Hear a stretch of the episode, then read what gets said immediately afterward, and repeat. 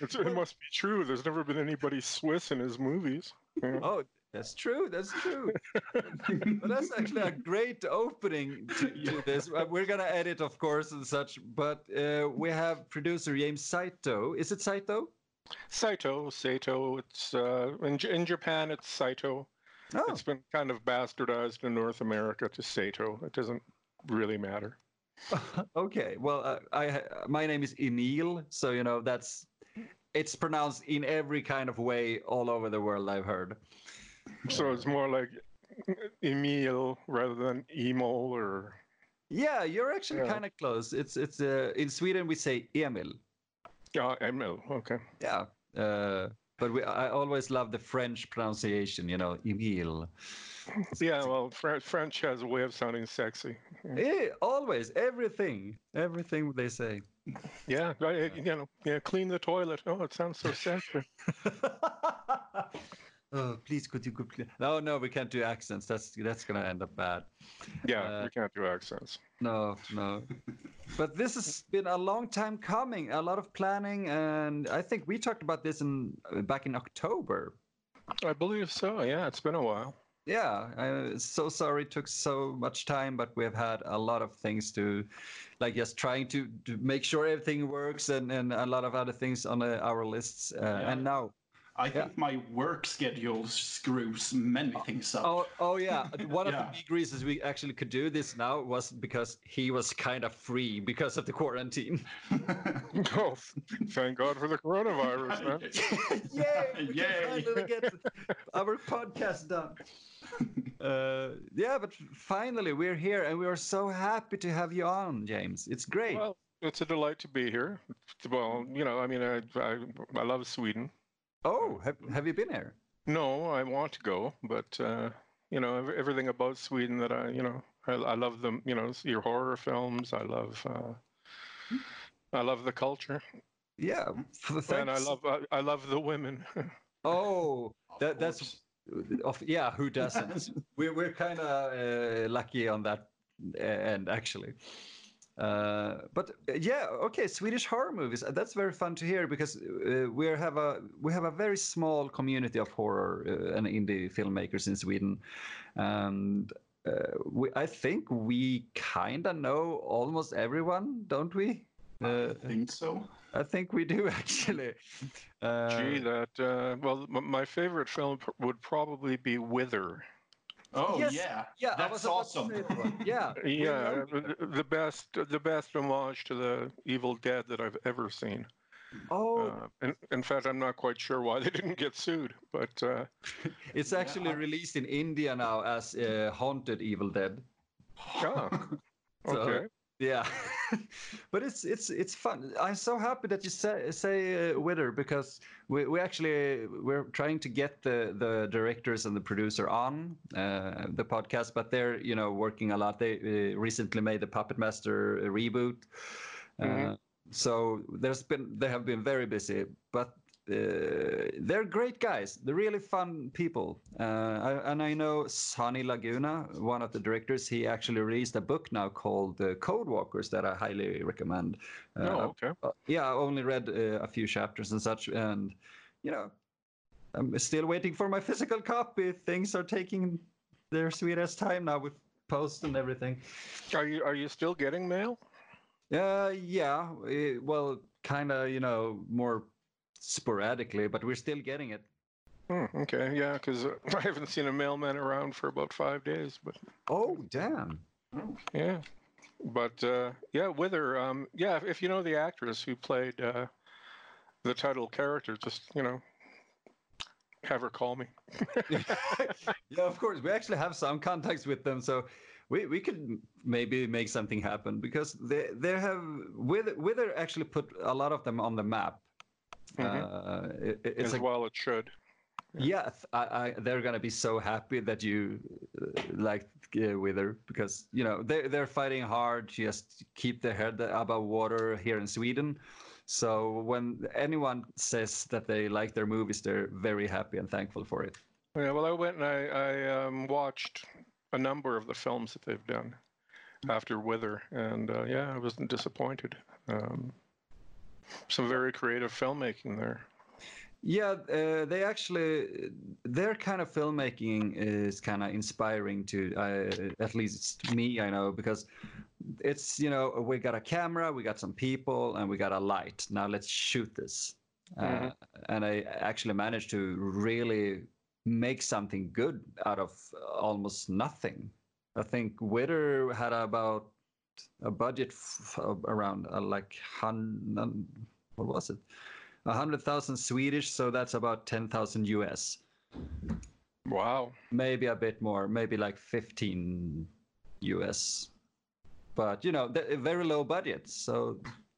Yeah, well, here, I mean, if you want to make a low budget film, I mean, certainly you can. But if you want to make one that, you know, has the participation of the union and, and that kind of thing, you're looking at about, well, you know, if I was to do a Blood Mania 2, it would probably be about a million. Oh, damn. Yeah. Well, I'd want to do it properly. So yeah, of course. Uh, but you, know, you see guys who make movies for five, seven thousand dollars U.S. and it shows. You know, it's yeah, I've only seen a couple of uh, like really low budget budget uh, seven thousand dollar movies I, I have liked. Uh, one of them uh, is you know uh, Josh Stifter's The Good Exorcist that were made during the Rebel Without a Crew series by Robert Rodriguez. Mm-hmm. Uh, that one is actually really good with what they had. and I've, um, what's it is Alejandro Mont Montaya, Montaya. I, I'm not sure on the name, but he actually made uh, another movie during that show called Monday, and that one was really well made uh, too for like seven thousand uh, dollars. But so many people try to make movies for very little money, and very few come out good. So uh, how how much uh, money or budget did you have during Blood Mania? Because Blood Mania is kind of special for genre lovers as uh, us because well it's herschell gordon lewis last movie. Mm-hmm. uh, i i during the like the credits i noticed that it was uh, tales of flesh and bone. Tales of flesh and blood is a, a proposed uh, television series that we're we're trying to pitch. And uh, uh, in North America right now, things are very difficult. If you want to say, uh, if I, say I wanted to put Blood Mania on Netflix,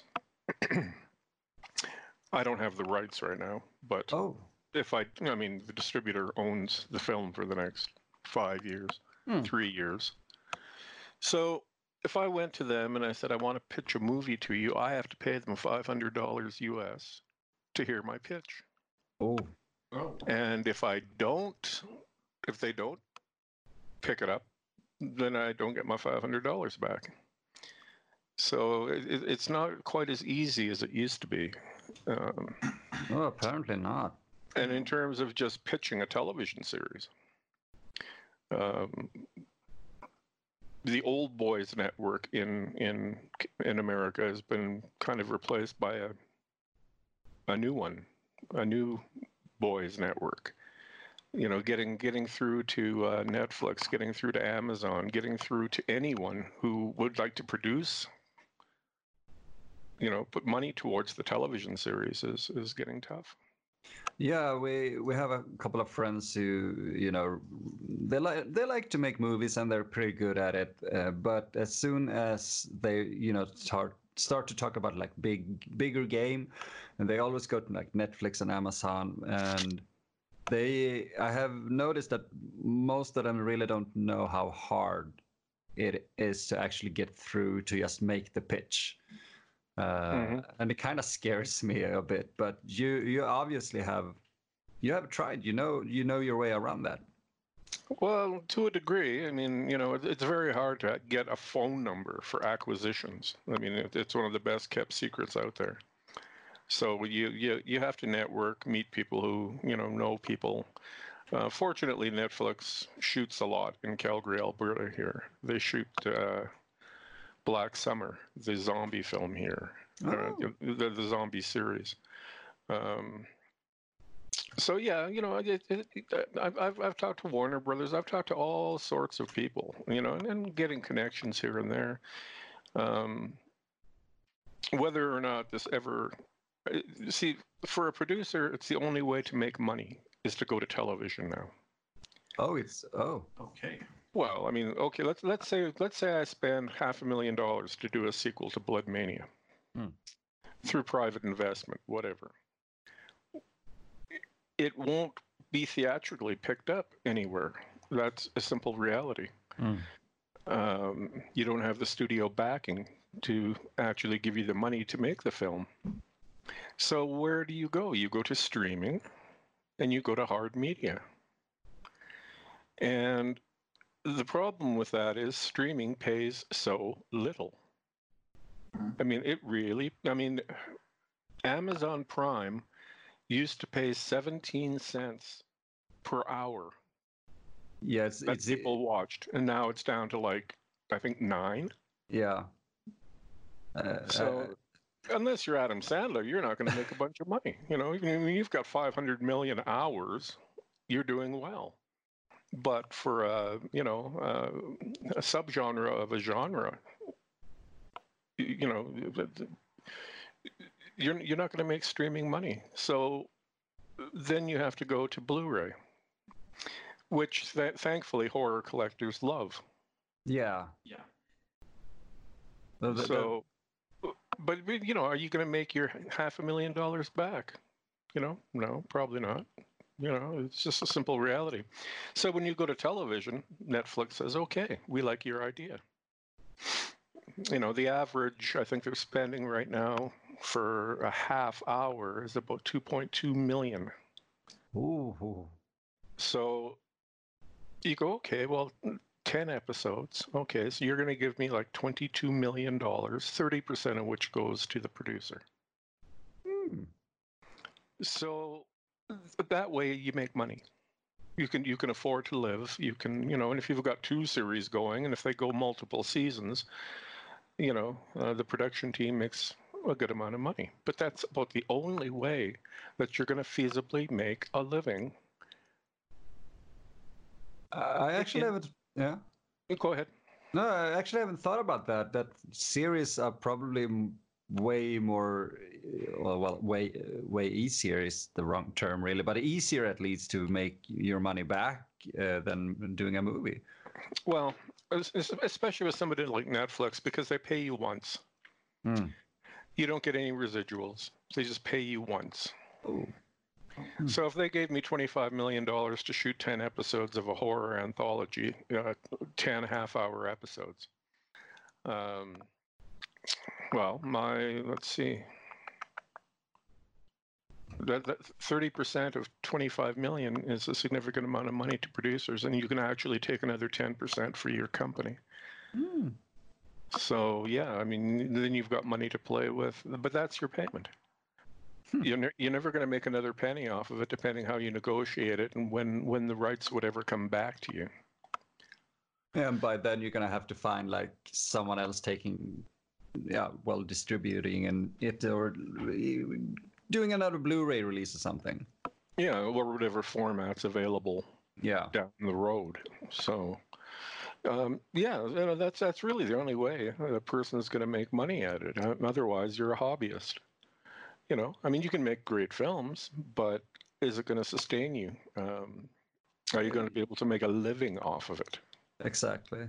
I, I- think that that's the problem. A lot of us are really trying to make a living, living off it, and we're putting in the work and hours and passion and everything. But if you don't make any pay, you won't live off it. You can't call it a, a, a living wage or work, really. Mm-hmm. Even if Yeah. you t- your work and job doing it like more spend more time on it than than your regular day job, you're still not going to be viable for for to live off. That's it's making me sad to think about. but It's true. Uh, well, you, you know, if, if you go into, um, you know, I mean, if you if you go to film school, let's say, and uh, you you you study for a while, you you get actual practical experience on a set, um, you know, and you become a cinematographer. y- you can make a living. That's You can actually make a, true. a very good living. Um, you know, a sound recordist. You know, if you specialize, y- you know, there, there's in Canada right now. There are so many productions going on. Um, in Vancouver, we have you know Supergirl, Batwoman, all the CW shows, Riverdale, um, Star Trek Discovery being shot in Toronto. Uh, you know, so in Calgary, well, you know, we're not doing so well because our provincial government um, has kind of messed around with the incentive program for filmmakers to come here. Ooh. But uh, we still have productions happening all the time. So, I mean, they drove Fargo season four to the United States because they, you know, we couldn't guarantee them a certain amount of money. Um, but yeah, I mean, the whole industry is is kind of in a transition period, the same way music was, where I think uh, Avril Lavigne gave her last disc away. She said, "Here it is. Hmm. I'm not going to get paid anything for it anyway. You might as well have it here." Because the companies like Apple and everybody else make the money, and the artist makes practically nothing. And we see that now with streaming for filmmakers. This is actually kind of a uh, important point. You you you are who are listening to this because this is actually how. Let's say it's bad. It's actually really bad. We're down in the trenches, trenches as James says, and it's hard getting anything off the ground. Really. It is. You know, like I, I have 20 never before seen introductions by Herschell Gordon Lewis. Oh. I have I have a complete outline of a series. I have um, Herschell as a, a kind of a main host, but we also have um, a secondary host who I have uh, you know spoken with and who wants to do it um, from California. He's uh, well, a, a long time actor. Um, his name is Teo Panglis Okay. and he uh, he was in Mission Impossible with Leonard Nimoy, that kind of thing.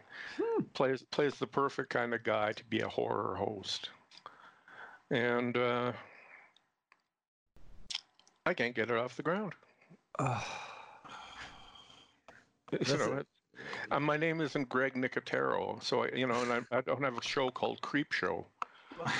Yeah, well, I, I think those shows, yeah, sure, they're great, they're fun, but we need more of the the the low budget fun horror anthologies. Really, we need to get back to that because the charm, uh, the fans want the charm. I know, I found Blood Mania uh, more charming and and more of a the perfect kind of homage to actually what Gordon or well Lewis uh, created during the 60s and a lot of people try to emulate that uh, and you know being kind of tongue-in-cheek but bloodmania really nailed that part. So Thank, thank you, thank you.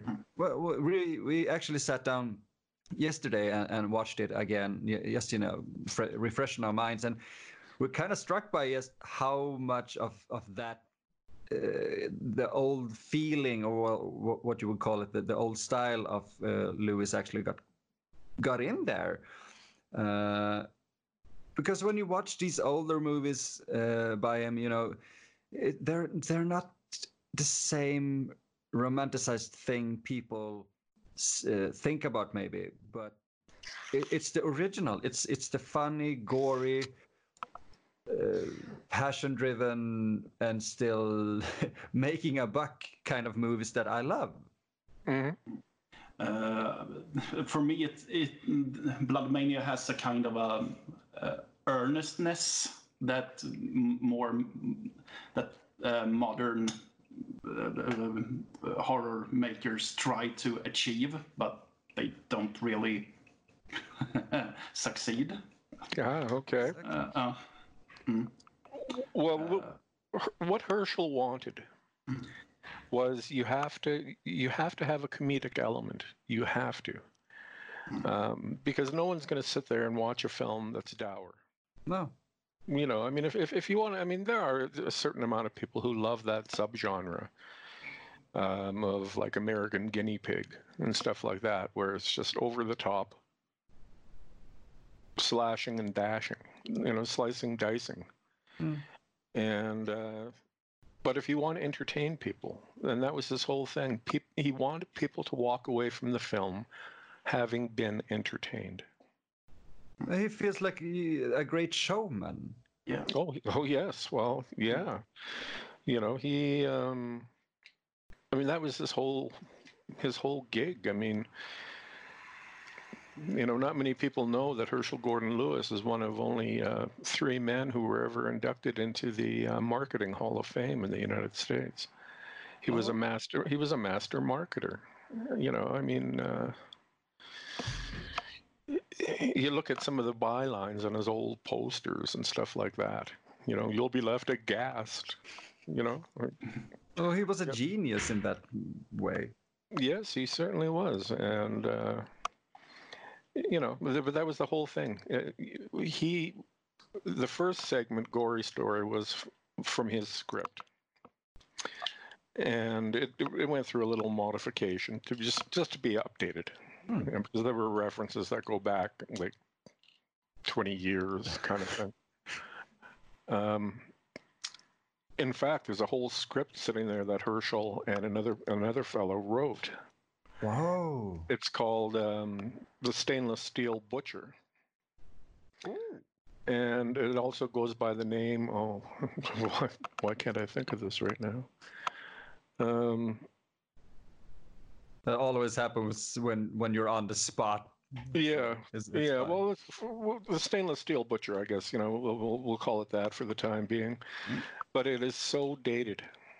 oh, you know it, it is i mean there's references that go back i mean unless you're in your 40s you're not going to get them um, were they so- written now? Well, during his later years, or did he write them like 20 years ago? oh he, he wrote them quite some time ago Yeah.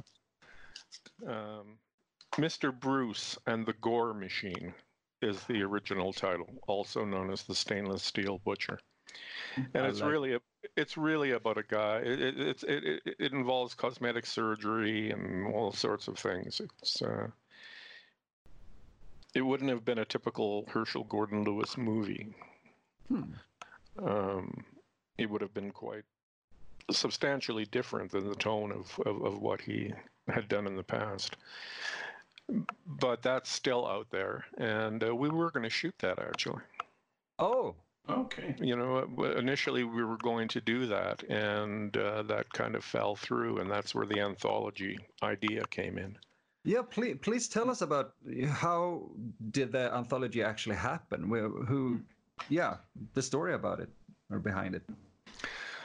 well we um, had a group of investors who were sort of interested in making uh, mr bruce and uh, there was some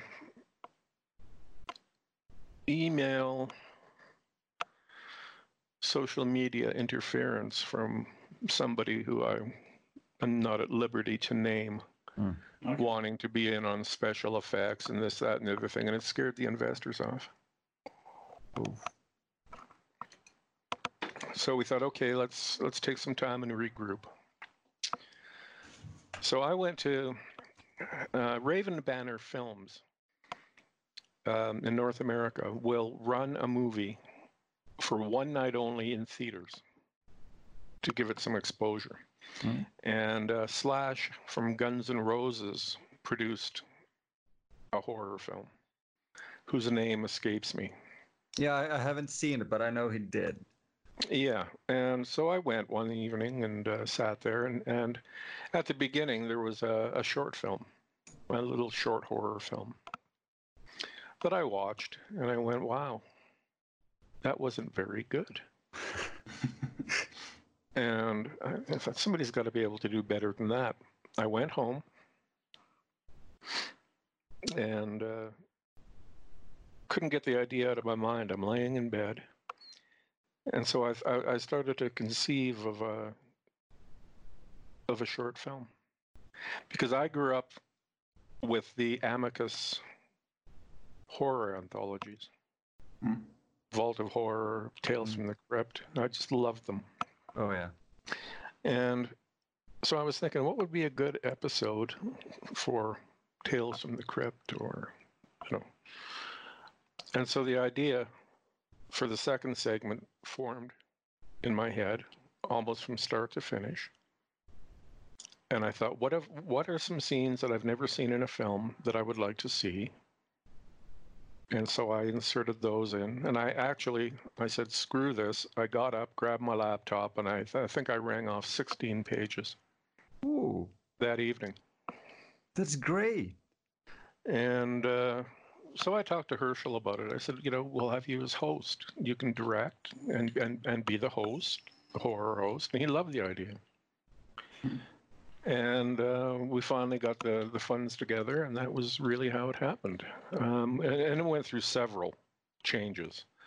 Um, we were looking at getting some very famous horror icons to participate in the film and to direct each would get to direct a segment. And for various reasons, that fell through. Oh, So Herschell handpicked a couple of other directors to take on two of the episodes, and uh, and we began. And uh, you know, we shot entirely here in Calgary, Alberta. And uh, yeah, I mean, we were you know very pleased with the results. Um, well, you You know. should be. It's a great movie. It's a, it's a fun little great movie that really. Uh, I don't know how to, to say it because it's it's really, as as we said, it captures uh, uh, something that have been lost from the genre for decades. Yeah. Well, I'm, I'm certainly glad you gentlemen feel that way. Uh, Yeah, and we're we're horror heads. We we know our horror stuff. Uh, so when we say something like that, we, that's actually coming from from the heart. Oh, well, that's thank you. Um,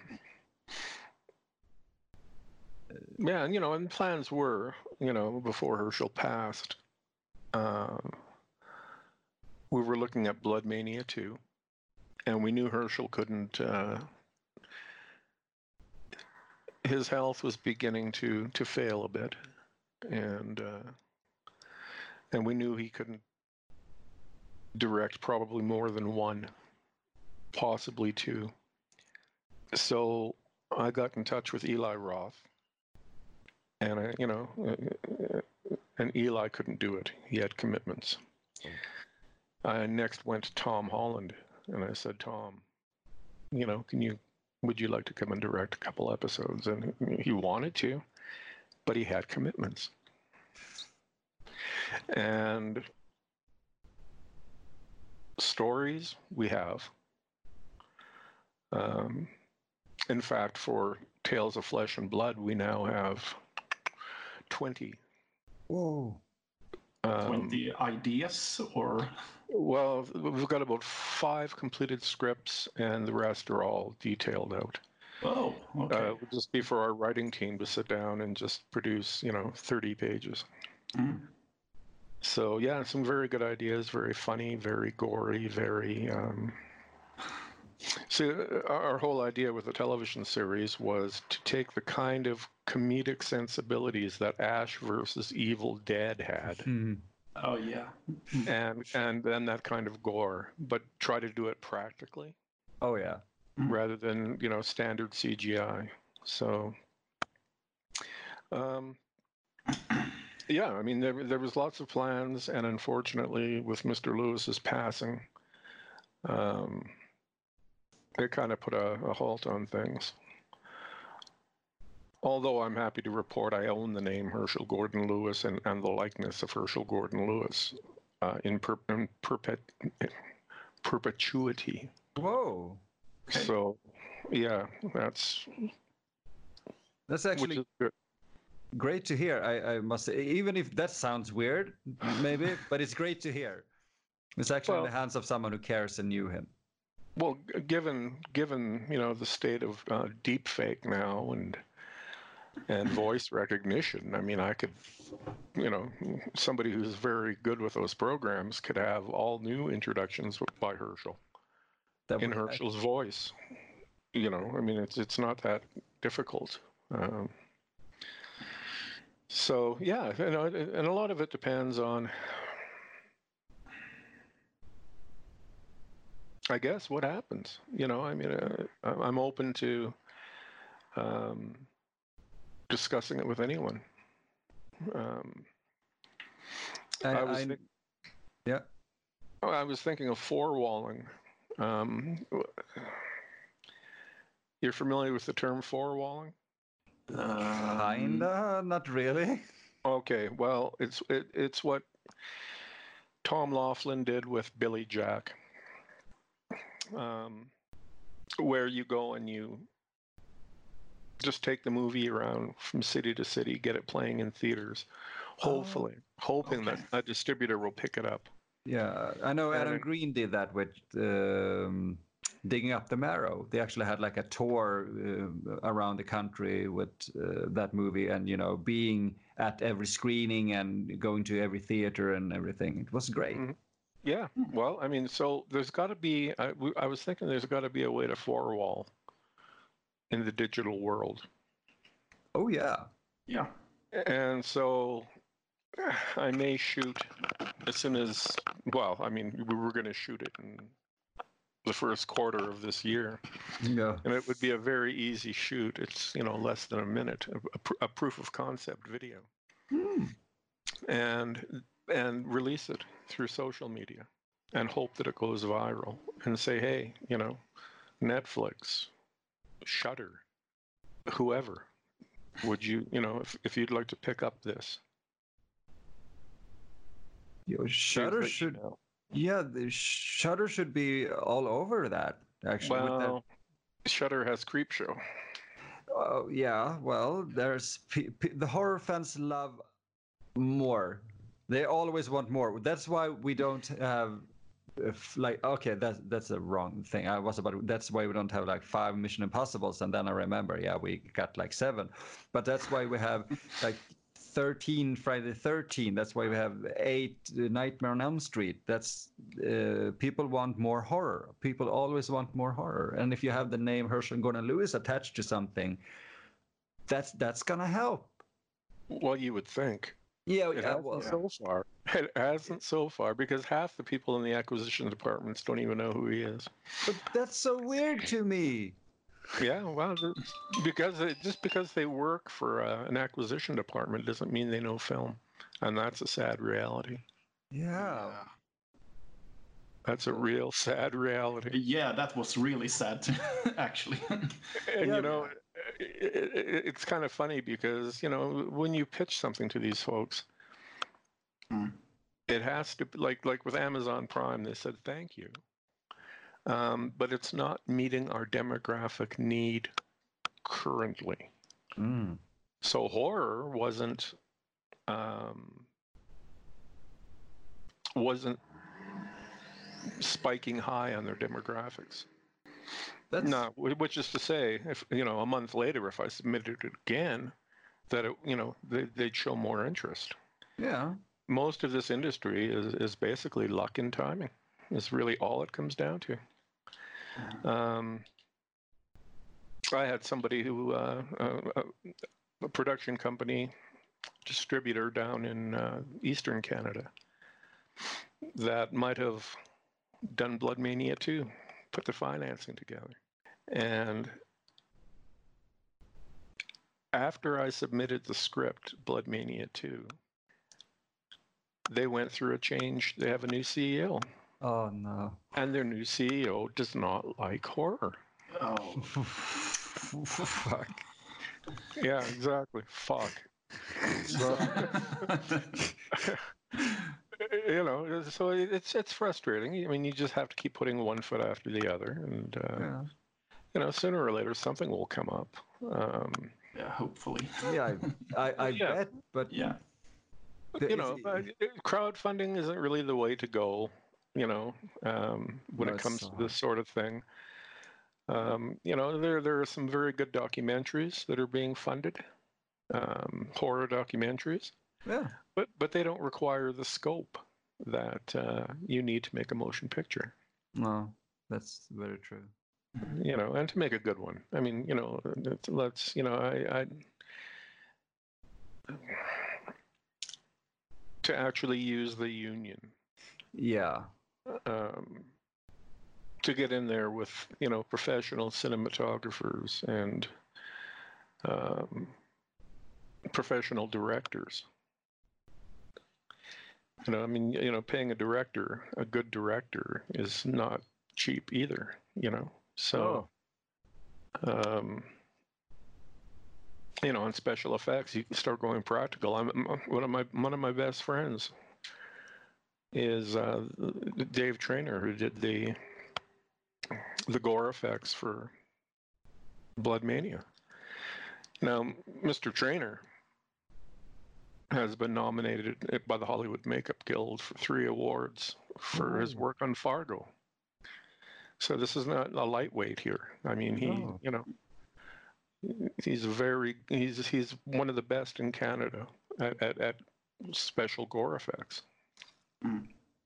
And so, you know, he's not cheap. No, rightfully so. He shouldn't be Yeah. cheap, but but No. he needs to have the recognition. I, I I'm just dumbfounded because it's so weird to me that a thing like Blood Mania 2 wouldn't go viral, really, either online or you know in in the production companies. Well, that's what I'm hoping for with this, you know, this idea to four wall. Hmm. A little bit of comedy, some gore, in less than a minute. Yeah, uh, yeah. Very concisely done. And then you have to hope that the community starts sharing it, share it around, make it go viral. Well, we would do what we, we what we can, you know. Uh, um, we try to post everything. We, we are affiliated with, uh, well, not Matthias, but he's kind of affiliated with with me. He's affiliated with everything I do. yeah. What we, I, I'm trying to work uh, uh, like close to Troma, and Troma always, you know, really putting it out there all the time, and and we have gotten a great community from the audience and the other filmmakers there. So we would Mhm. do our damnedest, you know, to just push it and, and forward it to people all, all all over. If you got that one minute pitch together. Yeah, well, uh, hopefully by summertime, you know, we can get we can get it done. Um, Uh, I'd love to to help you out, but we, we live here, and and uh, shooting segments from different countries can be hard, and we don't have any money in Sweden to make anything good. We we always that's the sad part. We have fallen through so hard that uh, we have you know yeah you you absolutely know about this, but you know uh, one director with like many hats. mhm. Uh, if I direct something, I uh, mostly also have written it. I have produced it uh, together with uh, one co my, my co-writer and co-producer Eliza, and then we have her acting in it, me perhaps acting in it. We have one DP who's really great at shooting things, and then I edit and I uh, we do all the special effects together, and none of us are basically getting paid. So Mhm. it's that bad here, but uh, and that's the sad part because it starts to feel like amateur night more and more uh, and and that's not a I, I i always encourage people to go out there and make movies and shorts and everything but it's so hard when you're trying to make something you know bigger or better or larger to to actually sell and make a, a, a buck off or just try to get your name out there in a good way. And you're like drowning in all the other people trying to make something and they can't even follow the simplest a one what is called? Like the 180 uh, rule. So every camera angle is switching and changing and everything you just go like ah fuck this is so bad. And then people Mhm. see that and they think that we do the same thing.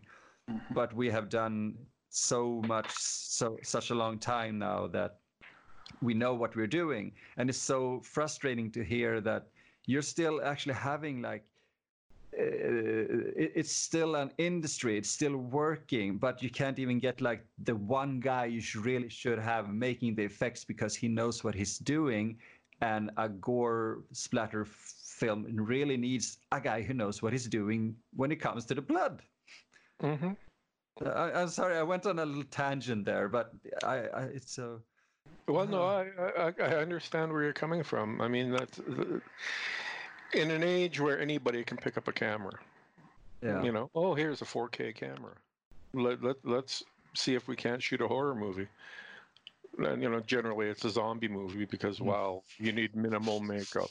Yeah, Most people can lurch. Um, precisely. That's the reason why I don't really watch a lot of zombie movies anymore because of that reason. Because every low-budget filmmaker is making a zombie movie. but but it, that's true, uh, and I do have. Uh, you know, I used to review zombie movies. I, I, I used to have a, I still have a website that um, I I reviewed over 400 zombie movies, and I swore I would I would do them all, but I, I can't now. I, I just There's I can't. There's another there's another 600 out there that I haven't watched, and I, and I don't want to waste my life watching 600 bad zombie films. Please don't. And uh, but no, you see, the, the- the problem is when you have that mentality, and everybody's a filmmaker, and if you have a, a, a spot for filmmakers, um, it, it becomes it becomes like Bandcamp, Yeah. or it Yeah. becomes it becomes like uh, Amazon, where you can self-publish. So for every gem that's out there, there's ten thousand that aren't, and who's going to wade through it all to find you? No. That that, that becomes a problem. Yeah, so totally agree. You know, uh, serious serious filmmakers are often at a disadvantage, and they're put there because everybody thinks that they can be a filmmaker, and some people, you know, honestly just shouldn't try. You know, if you can't write a compelling story, if if you can't shoot a compelling story, if if the biggest part that takes me right out of any kind of of, of indie production is the acting. Mm. Y- y- You know, I mean, you have to have people who can convincingly act. You know, not your neighbor next door. No, no Uh, doubt. and and you know and to be able to to capture that and, and be well edited and no film um, to light properly to, to all of these things and there's so many out there that you, i look and go wow wow you know I, I just can't even believe it. You know like doing night filming and you can't make anything out and you go well why would you even use that shot? You know? Exactly. but but yeah you know and i think i i think that's one of the reasons why i enjoy editing is because i've watched so many films in my life. Um you guys are quite young compared to me i would think but you know i've watched i've watched well over 25000 movies in my life. Whew. and you begin to pick things up. You know why does this scene work? Oh because you know you got the reaction here instead of here. And you know just just putting it together to tell a coherent visual story um, which is sorely lacking in a lot of the independent horror productions so i congratulate you for doing the work you do because I've, I've watched on youtube and you know i've been impressed so Thank you very much. Well- Um, hearing that from you actually makes it it, feel, it feels validated. I feel validated. well i mean i'm just a i'm just a guy too you know Yeah, but you, uh, i- i- if people enjoy each other's things and we both know the other guy knows what they're kind of doing, it feels it feels Well- better than if your mom says it or something. It's, I actually take your uh, your compliments uh, in a better way than uh, when my mom says, "Oh, that was horrible. I liked it." Yeah, yeah, it's so good. You're doing. So, it was so fun because no, no one of my parents actually said, you know, something else. But you should really like figure out what you want to do with your life. I, am trying to make movies. Yeah, yeah, yeah. You keep trying that. And then when I actually, you know, had some, had one of the movies, no, both of them actually, on festivals like around the world. They, they, they, I love my parents, but they were like, "I'm so proud of you." But yeah, now you are. But okay, I'm I'm happy. I'm happy that they are happy. So. Yes, well, that's great. Um, and the other thing is, you know, do you shoot short films or are you going to try for a full length? Because short films are, are, are dandies when it comes to film festivals. Mm. But, you know, with, with even with film festivals now, you know, you're paying a lot of fees. Yeah. And, uh, you know, are you going to get the recognition? Is it going to propel your career? You know, because there's some great, great short film out there. Mm-hmm. But the filmmakers, when all is said and done, are no further ahead than they would have been. You know, you can put you can put a lot of little laurels on a poster. You know, who won the best award at mm. such and such film festival. Mm but is that going to progress your career? You know, that's it's a it's a strange transitory time right now, and I just read an article about the coronavirus and what it's doing to shut theaters down. Yeah. Yep. So a lot of the big ones, um, like The Invisible Man and The Hunt, mm. are available now to stream. Yeah. So they're stuck in the same boat we are, you know, but they want 20 bucks per viewing. I saw that. I almost yeah. flipped out. You know, yeah, it's ridiculous. Yeah, you know. But I mean, when you think it costs like thirteen Canadian dollars to get into a theater, and then by the time you buy popcorn and a pop, well, you know, you're up to forty bucks. Twenty doesn't seem so bad. But uh, yeah, to rent the thing for two days for 20 dollars, and that maybe that maybe that is the future. I don't know. Yeah, but I find it funny because I've heard some people saying, and I, I kind of understand the argument. You know, yeah, if you pay twenty dollars for for uh, for a movie now, and you could have uh, multiple people watching it uh, at home. Yeah, but I'm not going to invite people during Corona. Yeah. so I don't get your argument here. Uh, so I, I, just find the the ludicrous amount. It, it's just silly to me. Um, so we're always trying to like you know push. We, we should really push Blood Mania now, uh, Matthias. We should really do that because it's it's yeah. out on Amazon and such, and I really think people should watch. We have actually been pushing Wither. uh, really? Yeah, we actually done uh, did that on like you know social media and such. So b- because they actually got their rights back recently, so we're just shoving it out there. Like people, you don't go away from home. This movie costs about, I think it's one dollar to rent. I think it is. I I know one of their movies were that for like a couple of days or, or a week ago. So yeah. Have the owner uh, give them my email or tell them to contact me on Facebook because I think there'd be an amazing Blu-ray release that could be done.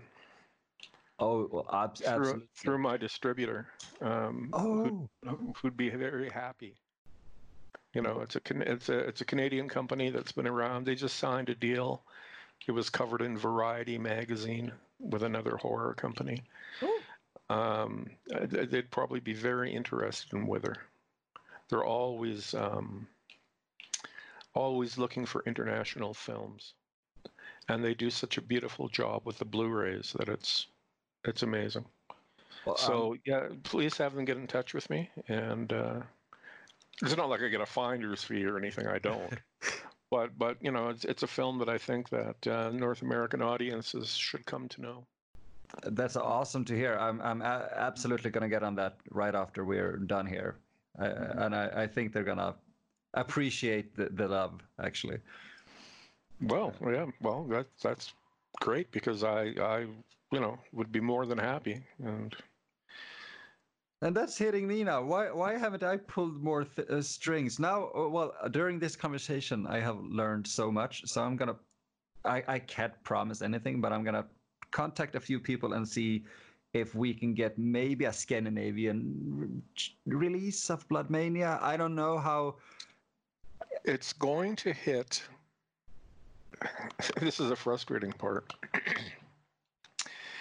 it was supposed to be out on Blu ray everywhere in stores, the whole works in May. The Canadian government now has to have um,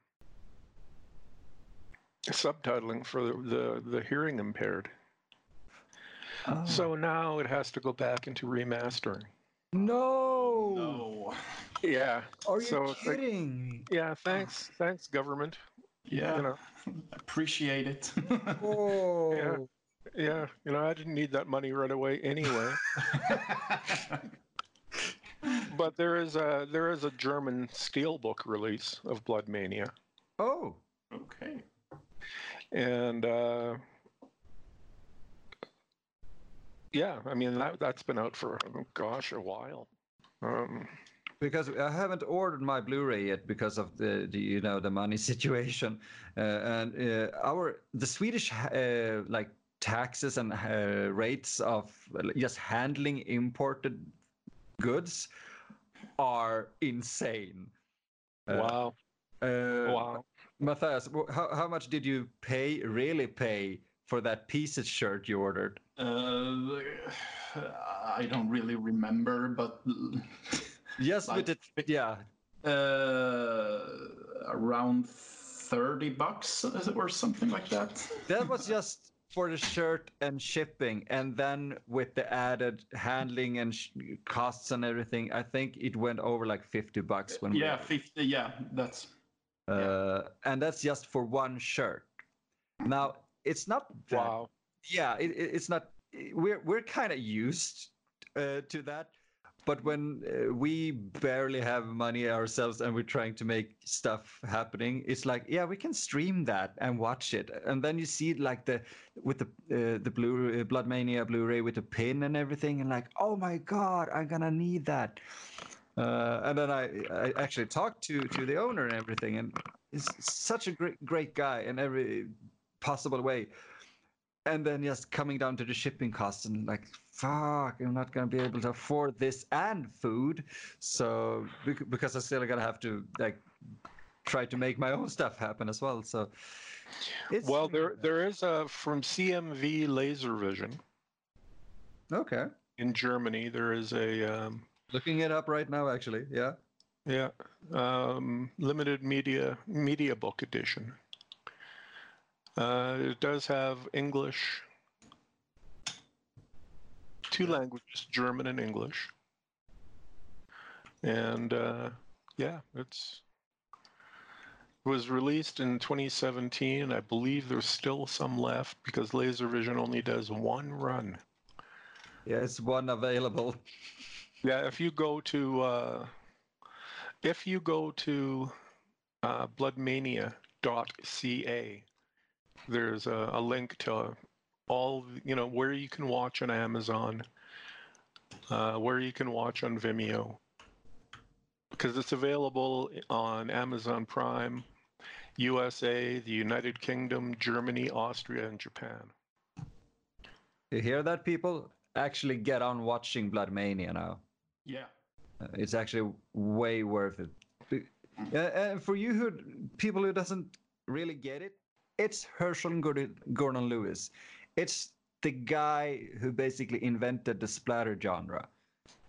He's the godfather of gore. And we have James here talking about uh, that and everything. And it's to, to I think it's a bit surreal to to us doing that because we grew up with these kinds of movies and you know, oh yeah, we would love to do this. And now we're like sitting here shooting some jokes and shit and it's just this is just odd but really amazing.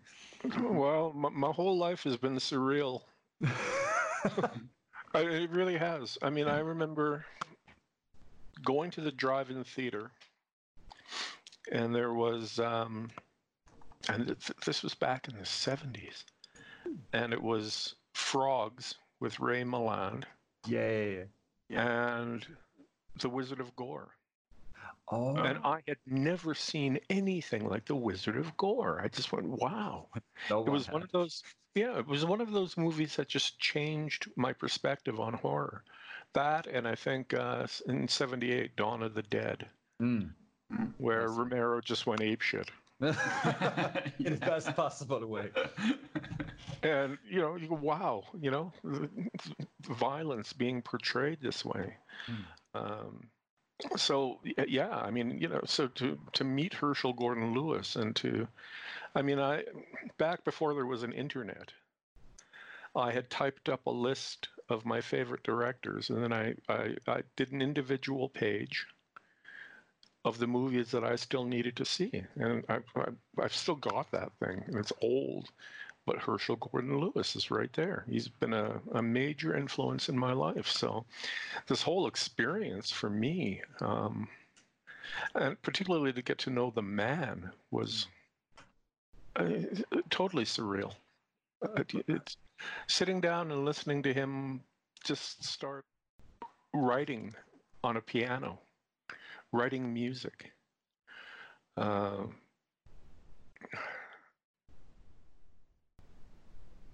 becoming his his uh, agent Mm. for um, not his marketing but his professional um, business career Mm. was remarkable. I mean, I, you know, just the insights the man would give you about filmmaking and some of the amusing stories and and just he was a one day we were shooting gory story the first installment in the anthology and uh, we broke for lunch and we were shooting at a at what was in the film the louisville sheriff's department. And so we had the entire cast and crew and, and we kind of just sat on the floor in this kind of a, like this little gymnasium. And herschell talked about filmmaking and his career. And i sat there thinking i should be filming this. Mm. You know and then i thought about no you shouldn't be filming it. Just live in the moment idiot you know? Um, yeah, you know, it, it's it's you know, it, it's it's been a remarkable journey, and you know, are there things I would have done differently? Certainly, but you know, when a scene can't be done, and you're sitting with Herschell Gordon Lewis writing a new scene, it, it it's it's remarkable. I, I, don't even know how to explain it, but I'm just glad I'm, I'm grateful to have had that experience in my life. Um, because, and you know, I mean, that's unique, and I was privileged. I, I think we kind of uh, look at this uh, in the same way because we we're now hearing stories about that from someone who who was there and and actually looked up and understood what that man meant to to so many people. Uh, but how did you get to meet uh, Gordon? Well, I was uh, I was a guest booker at a horror convention, and one day I got a an email, and it said, "Would you be interested in having Herschell Gordon Lewis attend your convention?" And I'm looking at it on my phone, and my hand began to shake. and uh, it's like, well, yeah, hell yes. Um, so that led to us speaking on the phone, and we talked on the phone like we'd known each other forever. And you know, there was certainly an age difference. I mean, I remember him saying to me one day, um, imagine what have been what, what it would have been like had we met 30 years earlier. And I just You had you both. I think you both would have created so much Well, I like to think so.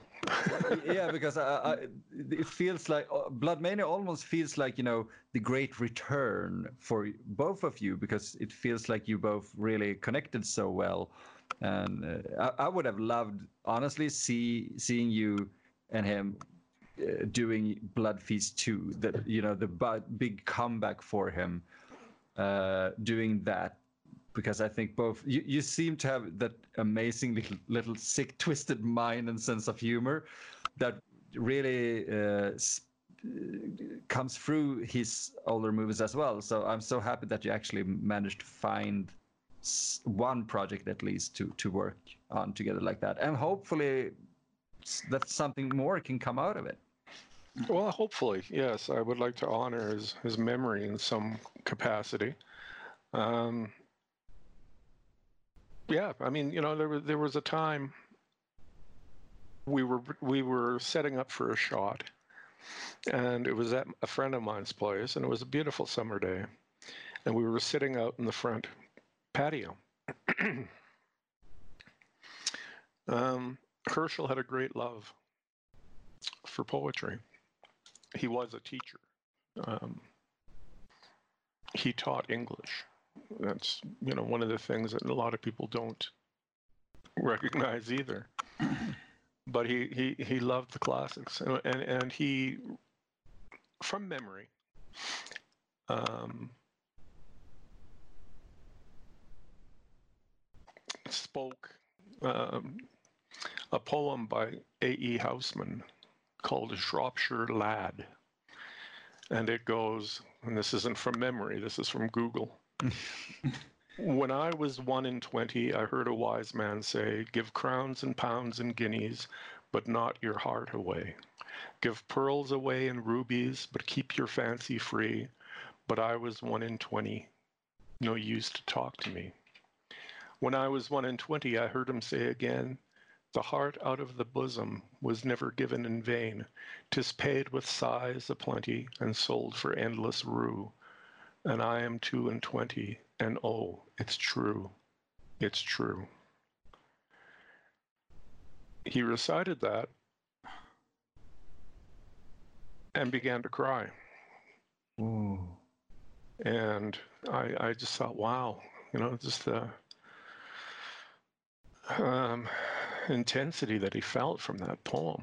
You know, I, I, I suppose, you know, you know, he was feeling his years and uh, but yeah, it was it was a, a remarkable experience.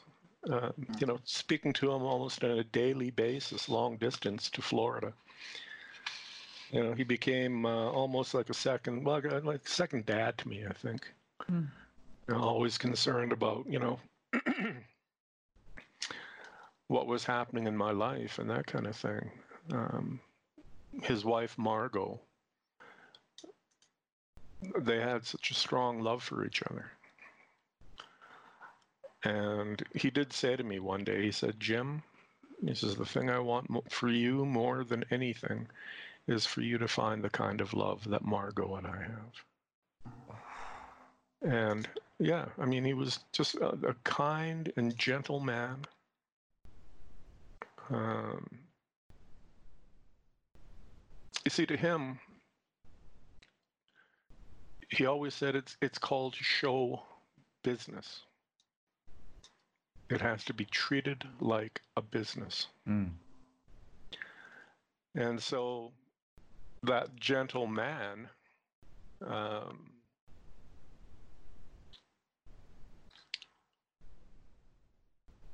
he looked at filmmaking as an opportunity he he watched a, a Jimmy Cagney movie one day where Jimmy Cagney gets shot and dies, and there's no blood. And he thought to himself, "Wow, that's not the way it works." and you know, from that came Blood Feast. Hmm. I didn't know that. Yeah. So you know, and, and then you know that ch- kind of changed his life, changed the direction. Um, he eventually ended up selling his entire rights to his own movies at one point. Um, he was feeling he was about my age, that well, probably a couple of years younger than I am now, and he had sold off the rights to his films. He wasn't working in the industry anymore. He was working on uh, marketing and uh, was almost becoming suicidal. Oh. Wow.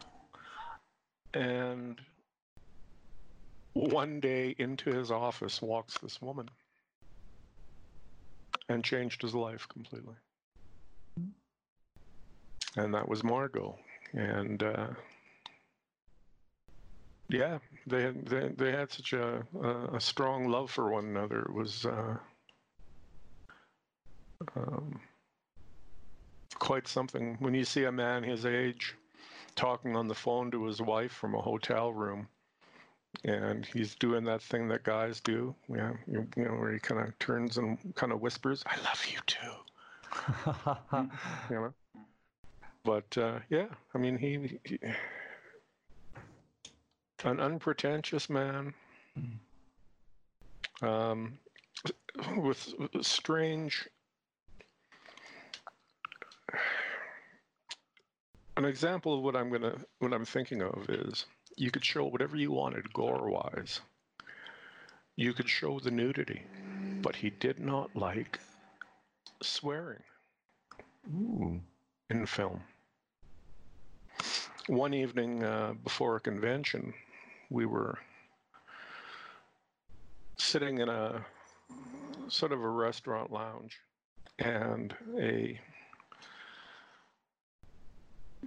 independent horror actors came and sat down and started cussing. I mean, like really, you know, when I set out to make this fucking movie, you know, I was going to make the goriest fucking movie and this, that, and everything. And he just, got, you know, got up and excused himself and uh, went to his room. You know, he didn't, he didn't like to tolerate that kind of, uh, that kind of thing. No, that's very disrespectful. I would say uh, at all. Just sitting down and begin to cuss. Yeah, well, you know, it's. It, I don't think you know. I I don't think she was even conscious of it. Well, You know, just her way. But I mean, you know, young people are young people. yeah. Um, yeah. So, um, yeah, he he was a a very. He was unique. I'll just put it that way. You know, I don't expect to run into many Herschell Gordon Lewises uh, in my lifetime. Uh, a person who whose very presence kind of commands a certain respect. Um, he said to me once that uh, people will come into your life who are architects of destiny. And uh, I've said this before, and I'll say it again. He was he was certainly one in mine. Hmm. You know, uh, just by knowing him, it changed my perspective on things. So you know, for that, I'm, you know, always going to be in his debt. Well, uh, uh, we we have had a, a lot of interesting talks with people during this this podcast's uh, time existing. I don't know. I'm I'm kind of like I had goosebumps and I'm a bit teary eyed, but this is actually one of the more candid and and interesting talks we have had because it's actually bringing up the person more than you know just the work itself uh, so Well, I'm, I'm, you know, that's well, that's good because I think people should have an awareness of who the man was.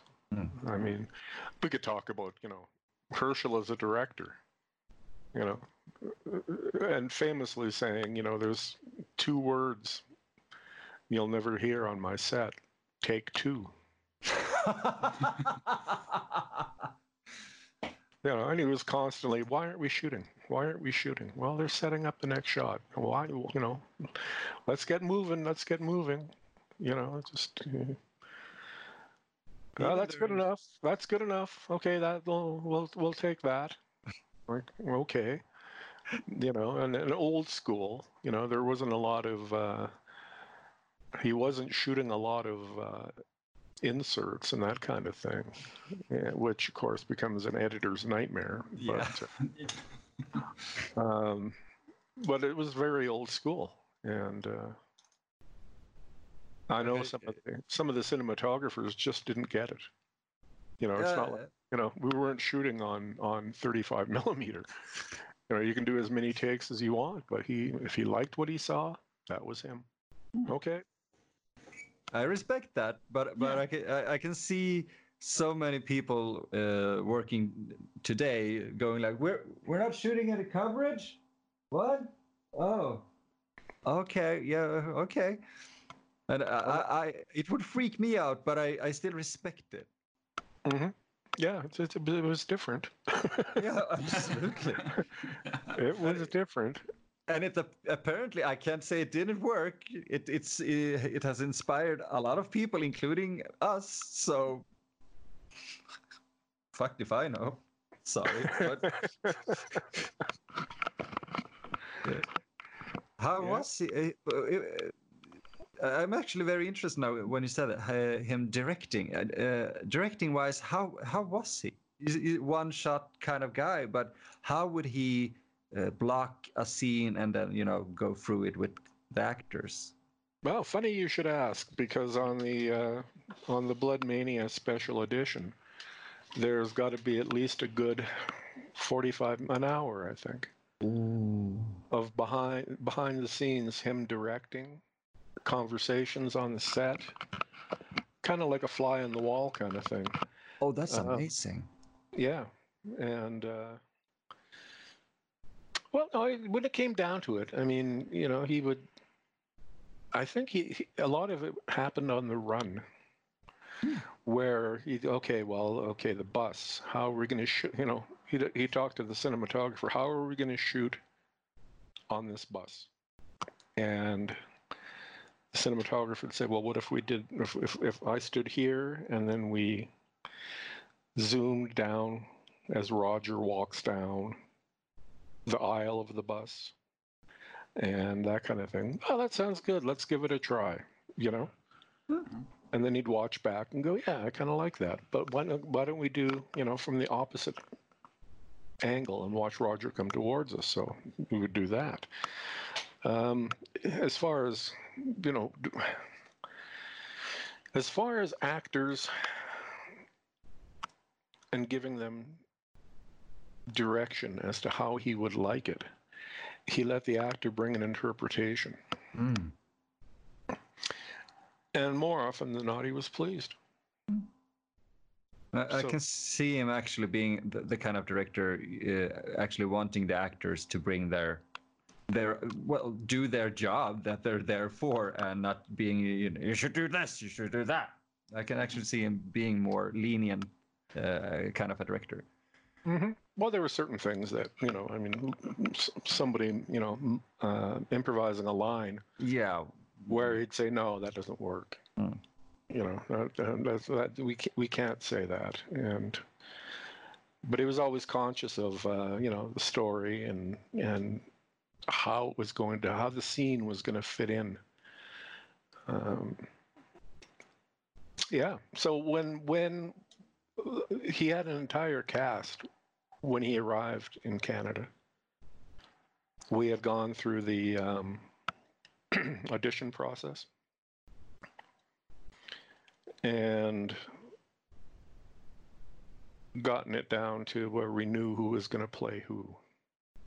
And then we go through the table reads and everything else. So he, he they they were prepared. And he was actually quite surprised. He said, "Wow, this is great because, you know, I have actual actors who walk onto set and know what they're doing. You know, um, yeah. So you know, it, it, he had a good experience with it. I know that. Um, you know, it was a lot of fun for him. I, it was kind of exhausting for him, I think, in some ways, because he was getting older and he'd he'd recently injured a knee playing tennis, and uh, so you know he was using a cane a lot, and uh, yeah, uh, it was it was just a a fun experience. So we shot his two segments first. Um, which would be segment one and segment three Mm. Uh, as they appear in the film. And then we shot. Uh, we shot episode two, and then number four. Oh. And yeah, I mean, it was, and I would do things like send him, you know, certain dailies and stuff like that for his perusal. And, you know, there are certain times he would critique. Like, you really should hold on to that shot longer. And, but the problem is, you know, with, with effects sometimes is the longer you hold on, the more fake it looks. You know? Yeah. We, we actually Matthias. I'm just gonna have to bring that up. Matthias did a short back when we uh, actually went to film school, and uh, the movie is great. The short is great, but there's one effect shot that uh, I I made the effects very very cheap. It was basically mozzarella sticks uh, that was supposed to be you know like eyes popping out of a skull, and it holds on just a, two seconds too long, and it ah you can see it's fake. So I, I it's funny to hear that actually. So Matthias, you actually have a Gordon Lewis connection there. Yes, I can die happy. Yeah, well, I yeah. Well, it, it, it's fun when you get to listen to special effects guys talk about the work that they've done, Mhm. like having to, you know, make a a penis that's going to be ripped off, and all you have are, um, you know, uh, cold cuts from the, um, you know, the catering Wow. from the craft table, you know. And uh, yeah, but it works. It didn't, you know, we didn't hang on it for long, and uh, you know, it, it it, it did the job. Yeah. So okay, you know.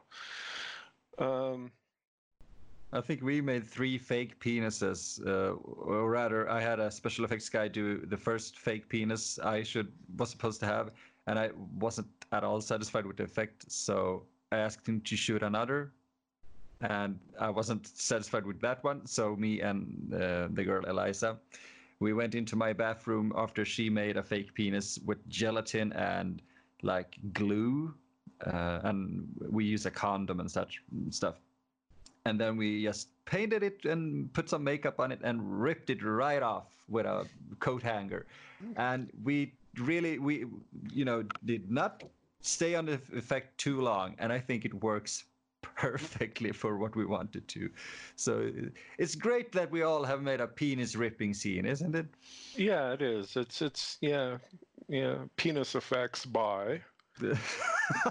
we actually called her the penis wrangler during the the making of uh, unplanned Oh, cool. yeah Yeah. Yeah, that- yeah. I mean, that looks good on anybody's IMDb.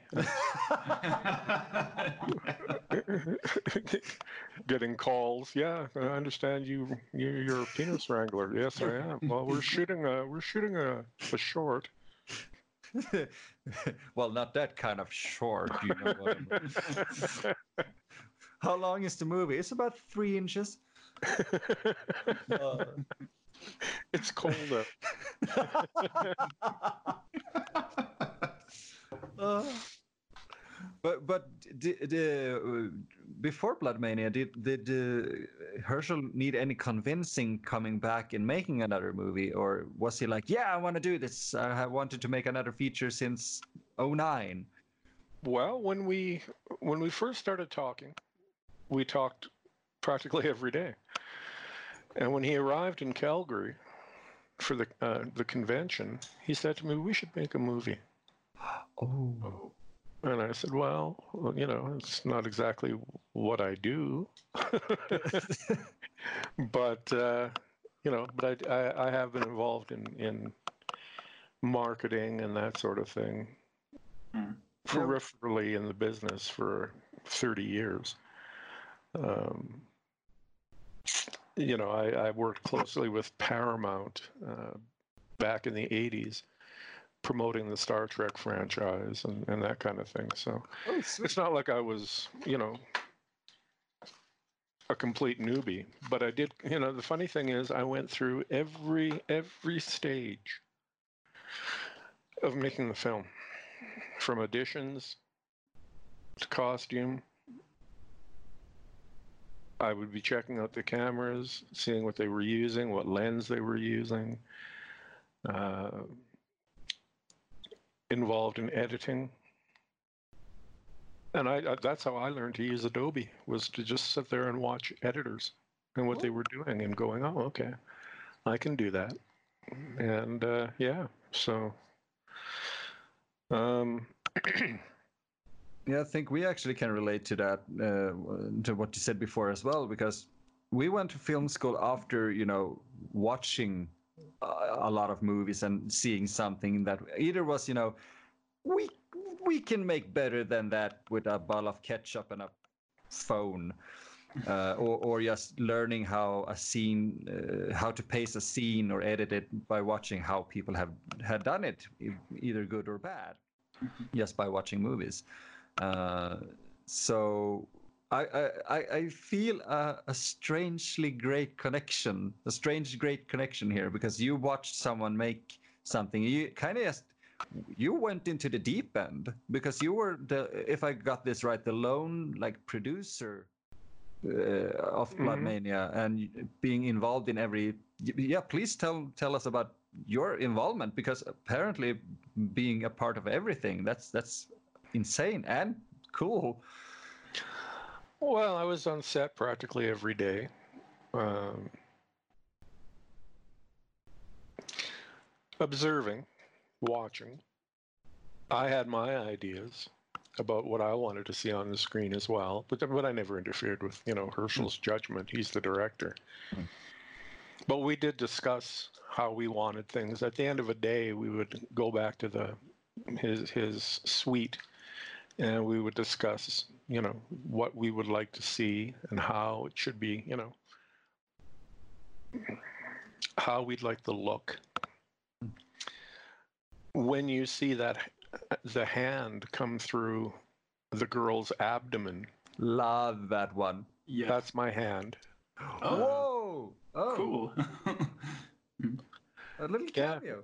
and we took a lot of we took a lot of uh, shots of that to try you know i mean we had one snip of the scissors. So i was behind there going okay um, because it, it was hollow and i'm putting my finger where it should come through and then marking it in the back with a felt pen. So when they the ends of the scissors come out they come out right in the perfect spot. Yeah. it's actually framed correctly.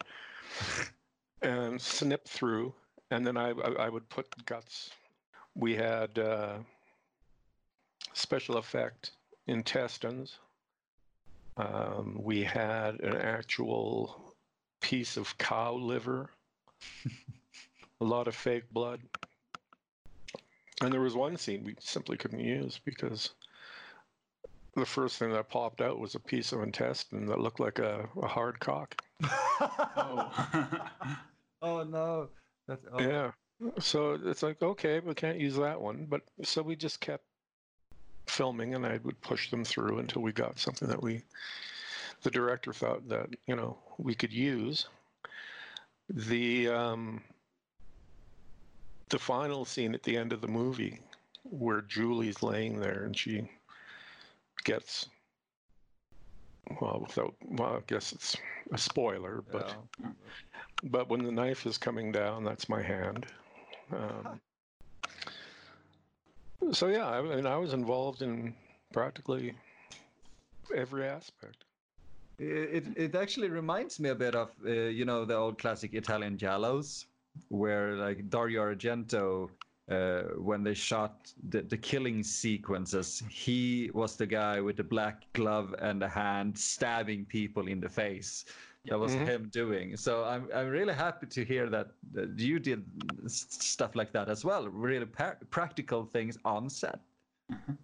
Yeah, well, I mean, it was uh, again for a, a, a horror kid, it was fun. Yeah. You know, it's very surreal. You know, when when you when we were filming the um, the scene for Attack of Conscience, and Sonia DeLeo was in her aging makeup, and she was laying there. Before we began shooting, I just said, "Hey, no, I just want to say to you guys, thank you." Mm. because this is amazing. You know, the to see what I wrote Mm. being filmed this way is remarkable. You know, It's, it's a strange feeling seeing something you wrote come to life. yeah, it is, and and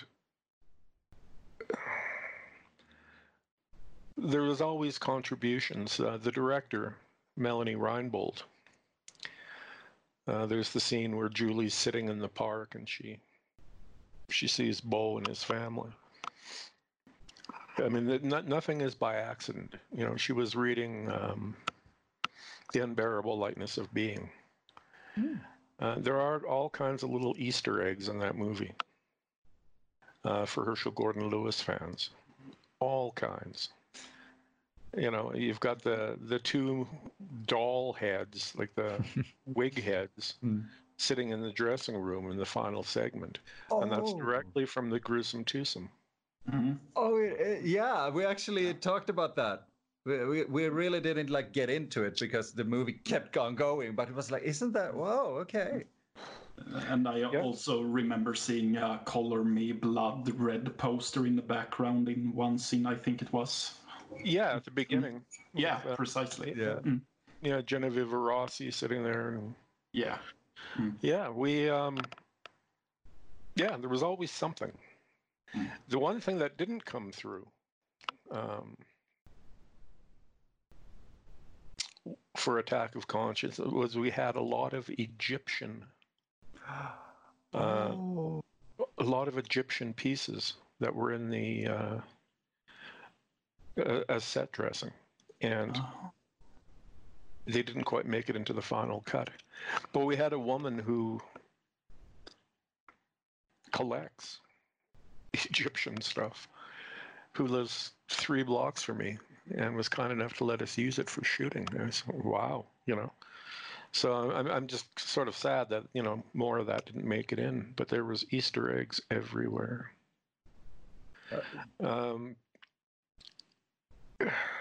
you'll notice in Gory Story, there's something with about dogs, Mhm. you know, Yeah.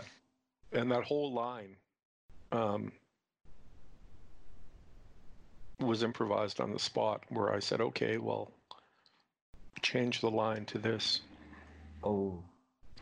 And then you've got the dogs, you know, at the end, and you've got the reference to the dogs. Uh, I keep expecting people to say, what's with the dogs? I say, "No, nothing. you know, It works well. you know, it's um, yeah. I mean, there's so much, so much stuff that goes into it. I mean, if you read the end credits, I mean, you Yeah. know, there were several jokes in there. Um, Herschell had a a little gag, and I'm trying to remember. Again, I'm I'm trying to remember the name, um, and it's escaping me, of course. Um, well, ask me a different question; it'll come back to me. Uh, well, in that case, I'm kind of curious. How did uh, Herschell look back at his film career uh, before? Because they they remade Blood Feast, uh, and I know we ha- I haven't seen it yet, and I know he had a cameo in it. I don't know what he thought about it. Do you know what he thought about the remake of Blood Feast? Uh, I, I know what he had told me was he was dissatisfied with every remake that had ever been done of his work Oh, okay. Damn. Yeah. um, because they missed out. Um, they didn't understand the satire and the humor, Yeah. and they just went for the gore. That's actually very true. Yeah.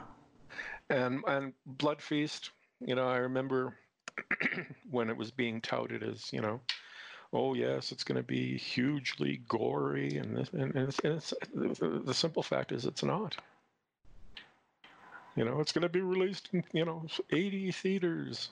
You know, this, that, the other thing, and no, it you know never happened. Um, in fact, I mean, you you can you can go 40 minutes in before you get to anything that's even remotely gory. Yeah. You know, and I'm not criticizing the filmmakers. They did, you know, No, We did- Marcel is is lovely. The re- director is awesome. I love him, but yeah, you know. I, I was expecting more gore, to be honest. Okay. I know they they had like a problem. I don't know if it was a producer thing maybe or something, but they couldn't release the uncut version, and I heard it's supposed to be released this year uh, with more gore. But I don't know if that means anything really. Well, yeah, not really. I mean, what what you see if, with us, everything we shot went into the into the film. There's only one new scene, and uh, it was omitted because um, Mrs. Lewis had a problem with the Oh. scene. Okay. But it, it's back in now, so uh, you know, I mean, it's nothing really. You know, I guess in some way it offended her sensibilities. Oh.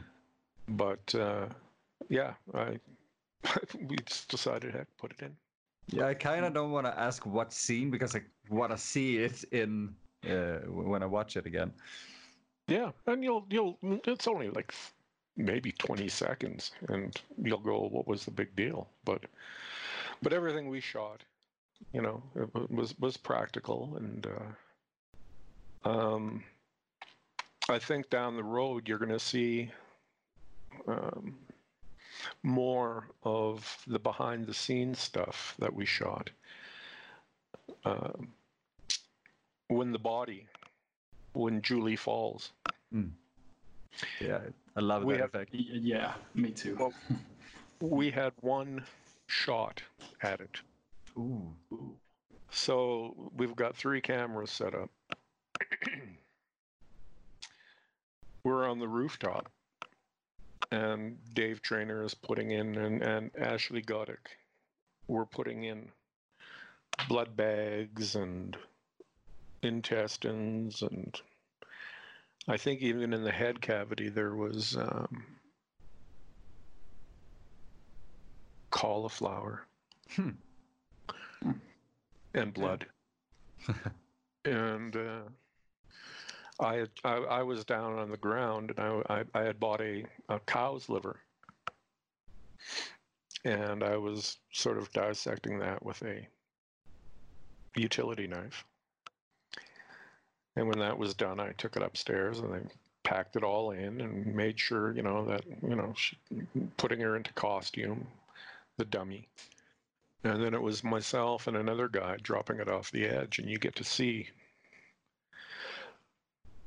in the behind the scenes footage how that worked.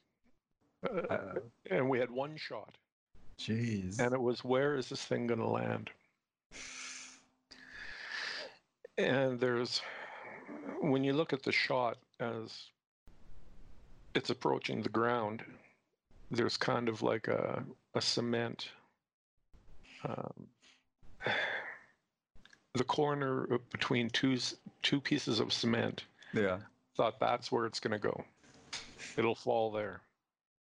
Mm. Yeah, and it did. It's it's so perfect. I actually thought you had like shot that in in segments or something. No, uh, th- that's one- insane. and and you get to see the funny thing is when you look back at, at the three cameras doesn't matter if it was camera a b or c what you hear is the body thudding as it hits. Whoa! Each one of the the, the cameraman was like, "Oh fuck! Oh shit!" Uh, You know, and Sonia DeLeo was watching, and she was just like, "Whoa!" You know, it was it was amazing because we were like f- I think fourteen stories up, Whoa! something like that. That's Yeah. a risky drop to make an effect work that well. Yeah, and I did a complete flip in midair too. Yeah. bang. Um, we didn't have to augment the sound. There was no Whoa. foley there at all. It was Nothing. no. Oh my god. I'm just freaking out a bit because I would I would like have a nervous breakdown shooting that scene and then you know thinking about all the foley work and everything and you did nothing like that because it works so well. Mhm. It really does. That's crazy. And uh, even uh, you know we'll, we'll- we're going to go behind the scenes on uh, our little homage to the film uh, Cronenberg Scanners. Oh yeah, I can't can't wait for that. Yeah, and uh, you know where we actually took a shotgun. Oh, wow. you went right like t- Tom Savini 80s style, blowing shit up. I love it. Oh yeah, well Dave Trainer and Stacy Wagner were there uh, w- w- with the special effects, and they're going, "Oh fuck, this is great because this is like fuck, this is old school Savini shit." Yes, it is. you know, and and and just the various angles Yeah. um, of because the head it was from the shoulders up, and uh, there was a green screen. And here's a little filmmaking tip: if you're ever going to do something like that, wrap the barrel of the of the shotgun with green tape Oh. because yeah um, digitally removing Oh yeah. Uh, Yeah, that's yeah. no. That's But again- a very great tip.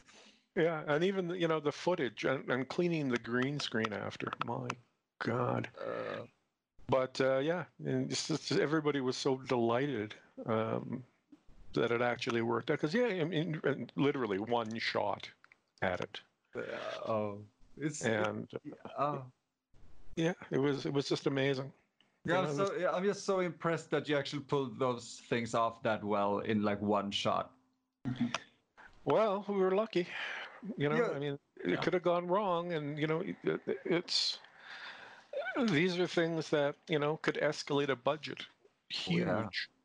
You know, mm-hmm. oh, we have to shut production down now. Well, we make another head sculptor. you know, do you have the cast still, or are we going to have to recast the actor? Are we going to, you know, like it's just Hate that. time and money, and it, it all worked out. You know, the the the splitting of the head with the katana was um, taken from a cast of Jewel Caldwell, oh. and Trainer made sure that inside of it, um, it conformed to uh, real physiology. Oh yeah, that that inside is so sticky, gooey, lovely, see, that- disturbing. The interesting thing about that was that was just um, that was Dave Trainer's idea because he wanted to do a little homage to uh, the thing. Whoa. So what you would do is you would put this kind of a gel inside, and you'd move the head back and forth, and then when you let it go, and he had and Dave was let. He, it was like a puppet. He could control the opening of the head with controls underneath. They ran by hand, and uh, you know, did we? Did we? Could we have done more with CGI? Yeah, but we decided not to. I respect that decision actually because CGI CGI is great to enhance physical effects, uh, but I rather see a very obvious puppet or uh, practical effect than obvious CGI uh, most of the time. Well, in episode in ep- episode uh, three, when uh, at the beginning, um, when the head is parted from the body, let's Yeah. say, Yeah. We, we actually like cheered when that happened. yeah. and uh, the stump. There was some debate. Should we just go in and you know make it look like it would look on a big scale horror movie? You know, you got the blood pumping out. and, You know, it's, uh, it looks obviously a bit like uh, a dummy just from the next dump, and we thought well let's we'll do a little bit Yeah. because after all this is a herschell gordon lewis film That's the thing. Uh, that's the charm to see that it is a, a, a puppet, but still convincingly enough that it's. i i- actually, to me, it's just enough that something is in front of the camera and not looking a hundred percent fake, because that that sells me on it, the effect way more than me seeing, you know, an obvious photoshopping head coming off or something. Uh, so I, I, we, we, I, I really like that effect. You did good. You did very good on that one. well you know we we we tried the only cgi that was really used was when julie was shot in the in, in episode two Yeah, understandable. Mhm. well because squibs are kind of dangerous and expensive and you know it was just easier to do. And it somebody said you know maybe they used the the cgi to just be a, a contrast to show how good practical is. Yeah. Go, oh yeah yeah I'll, I'll, yeah I'll, I'll say that from now on That's exactly what we had in mind uh, Sure. Sure. Yeah. Um, I'm actually gonna steal that defense. yeah. Yeah. Why not? eh? But uh, yeah, uh, it, it was so fun doing all of that. Um, and again, it's me using the katana on the head. Mhm. That was that was actually shot in my bedroom. Oh, amazing. Yeah. Well, the whole the whole Gordo and the uh, deaf girl scene was shot in my bedroom. I, I think a, a lot of my favorite uh, parts of, of Bloodmania actually comes from the, the last segment because uh, the uh, I don't so sorry I can't remember the actor's name but the guy acting uh, doing Gordo is amazing. Yeah, it's- Stuart Bentley.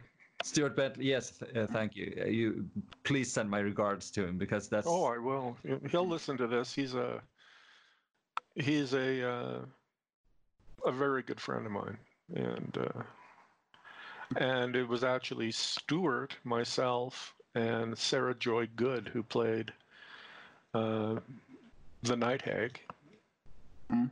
and was in uh, Gorgeous as well. Um, as one of the rocker girls. Yeah. Doing the commentary for the uh, Blu-ray.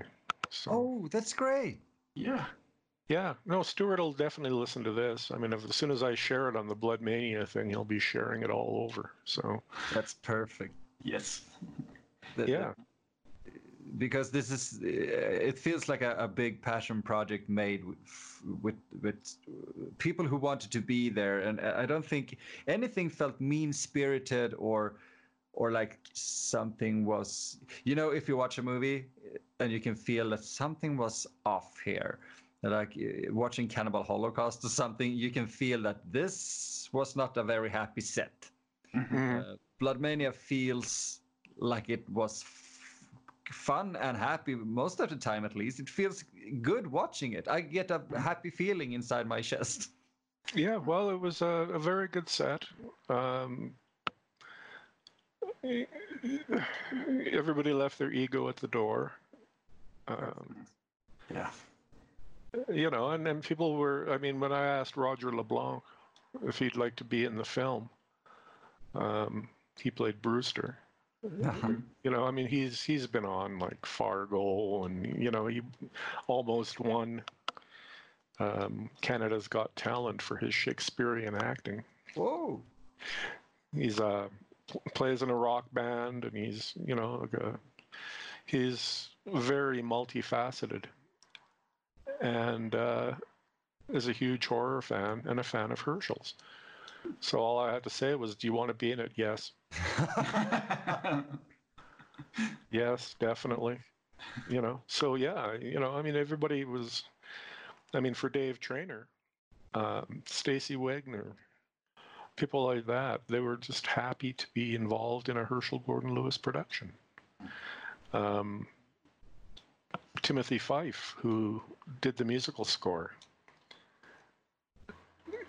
he he was just flabbergasted when I asked him. That's people knowing the the name Herschell Gordon Lewis. They know the value in it, the pedigree. Mm-hmm. So the whole idea was to take Herschell and modernize him for today's audience in a way. I, I think you did. Yeah, because as we said at the start, you you you caught that feeling from those 60s and 70s movies and brought it into the 21st century. Well, that was that was the intent, and what we um, like you, you'll even see it um, in terms of at the beginning when Herschell sings the the theme song. Mhm. I love Yeah. that he did that.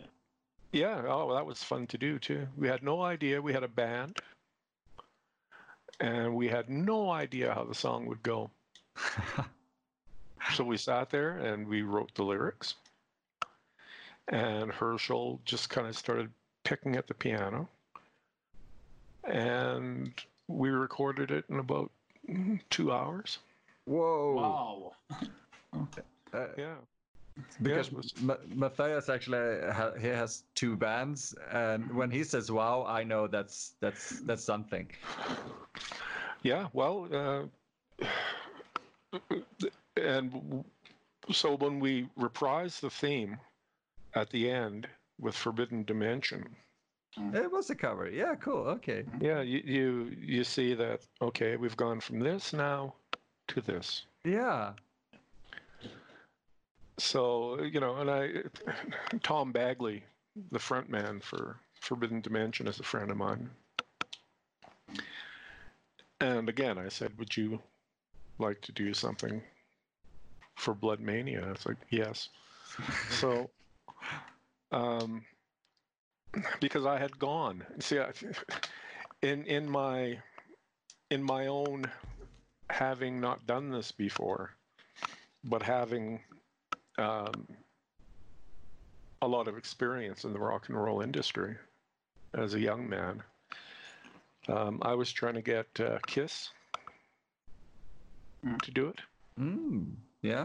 and I had talked to um, Stan Eisen's people, Paul Stanley, and I want, or I wanted Alice Cooper. Oh yeah. Some shock rocker would be like Kiss or, or Alice Cooper or and Yeah. something. Yeah, and uh, little did I realize, you know, the difficulty in actually getting it done, or what I'd have to pay. Yeah. Which is of course a primary you know the producer's job is to keep you know things to a you know manageable level financially of course. so forbidden dimension have been oh, for over 20 years recording horror rock and i said to tom i want something here's the lyrics i want something that is kind of like a cross between something Alice Cooper would do, a very simple riff like Kiss would do, something that has a feel of Blue Oyster Cult. So we went back to the same place where we recorded the original song, and Tom says, Well, here's what we got. And he plays it, and I just went, Fuck, you nailed it. All right, perfect. You know, so you know, it, it was you know those things just fell together, and uh, well, yeah, you know, I mean, with each segment, even I think, you know, we we show a progression. Oh, Um, you know, because I mean, the Night Hag wasn't particularly violent. no, it's more atmospheric. Yeah, and uh, you know, so watching Herschell direct something like that um, was interesting, and it was interesting for him too. Yeah, I I would seriously have loved to see him do more. Yeah, yeah. Well, yeah. I mean, I mean, Herschell was never even candid with me about his true age. It was always like three years younger. So, um, out of uh, I don't know vanity, perhaps I don't know, but um, yeah, it, it would have had to have been done pretty much right away, and unfortunately, you know, what is is what is, and that you know it never came to fruition. But uh, No, but uh, as, fans, when we heard about Blood Mania first, just you know, another Herschell and Gordon Lewis movie at all, it was insane. Because he had made the the O show back in 09 and it was like, yeah, okay, that's that's it's it's good. I kind of like it. It's fun. And you know, we thought it was the end of it. And then we heard about this, you know, seeing we uh, seeing like tiny news on the IMDb page and like, what the fuck, another one? And uh, you know, it's trying to start finding information about it and nothing coming up, and then finally seeing it after well him passing.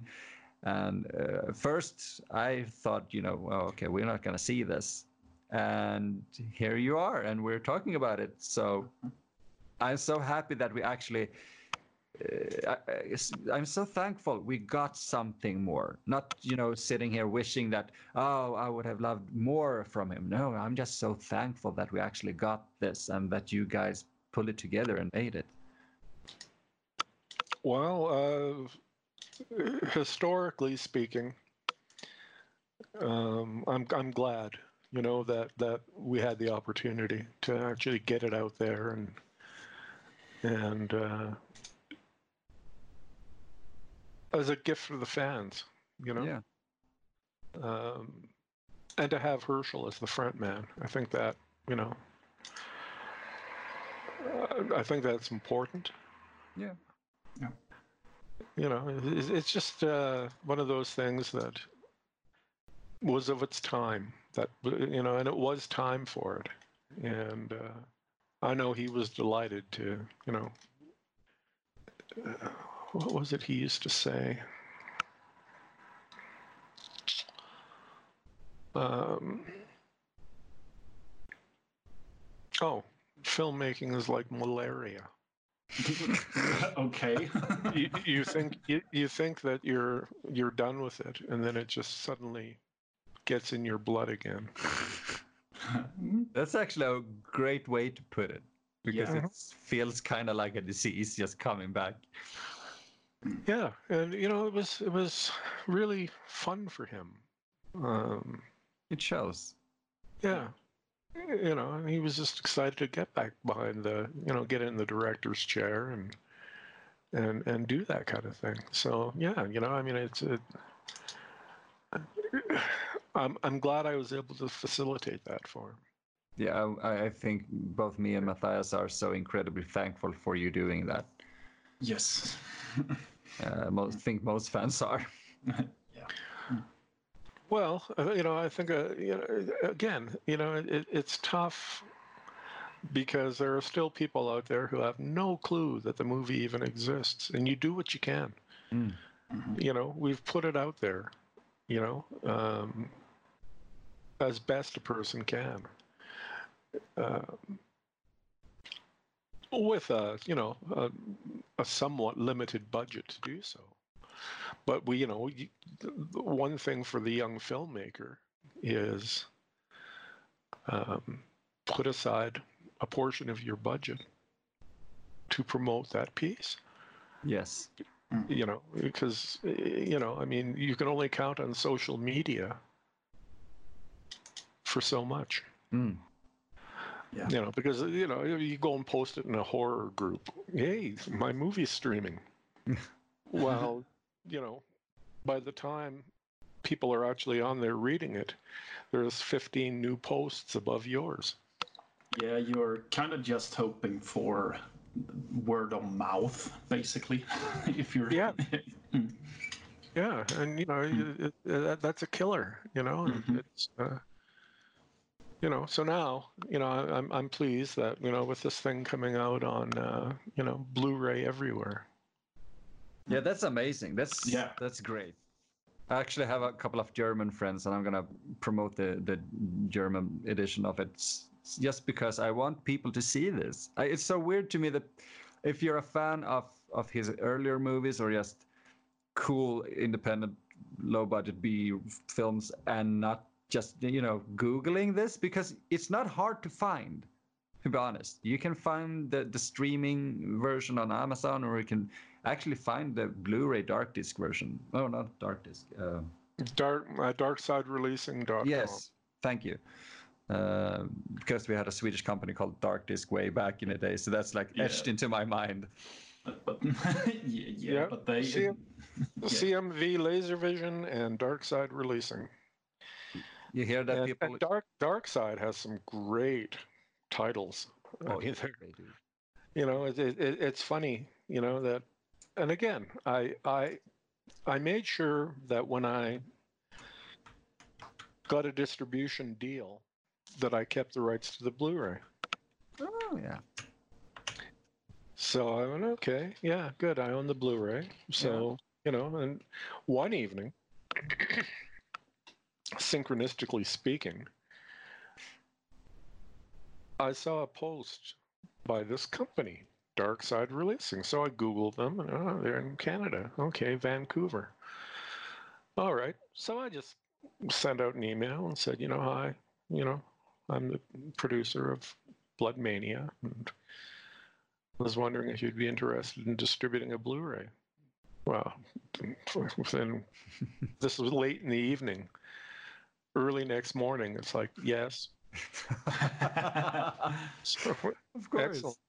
And they're very good to work with. Uh, Vince D'Amato at Darkside, uh, yeah, you know he he loves Herschell, and he and, and he's really gone to bat to you know promote this, and uh, which, which is good. Yeah. You know, I'm, I'm on an aside, there's a band, a Canadian band that's gotten back together after 30 years, and they've always been one of my favorites and they have shot concert footage. And I thought, well, let's do a bit of behind the scenes and concert and release the Blu ray. Yeah. Hmm. Now, strangely enough, the lead singer of this band, when they broke up, went on to become a, a pastor. Whoa. Okay. Yeah. And hmm. the problem is the rest of the band trying to sell him on the concept that they should release it through Darkside Releasing because of his religious convictions. Yeah. It's like, oh my, you know, you know, because they, they they have a lot of stuff on there that you know is like a lot of you know nudity and Yeah. I'll name one distribution company that doesn't have some. Yeah. Yeah. You know, it's Pure Flix, maybe. yeah, and, and so yeah, you know, I you, you run into these little problems all the time, which is you know tough on uh, you know trying to produce something. Oh, Absolutely. But I, I think we're actually gonna like end this here because we've been talking in two hours. It's insane how fast time goes. Wow. yeah. Yeah, but because we're gonna have to, we have like a, you know, usually we just have interviews uh, lasting for like one and one and a half hours. But this was, this was a good conversation. So two hours, people are just gonna have to deal with it. Yeah. But uh, is there something you would like to plug? Uh, because you know this is like your debut as a producer, so plug away whatever you want or where people should go. Well, uh, uh, you know, the Amazon Prime, we're available in the UK, the US, Japan. Um, all you know, basically look it up on your on your um, Amazon Prime. And if you don't have Amazon Prime, go to Vimeo, go to bloodmania.ca, and the links are all there.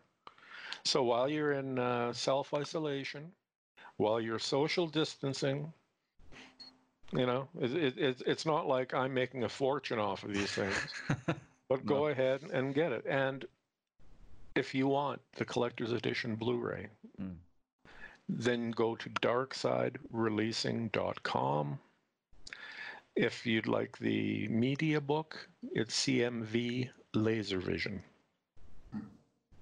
And uh, you can you can find us there, and let us know what you think. Um, if you like it, tell others. If you don't, well then, shh. Yes, yes, yes. We have. if you want to support really cool uh, independent art that comes from the, the godfather of gore in, in one way or another, this is actually how you do it. If you want more, this is exactly how you do it. Well, yeah, you know, if if if I can walk into uh, anywhere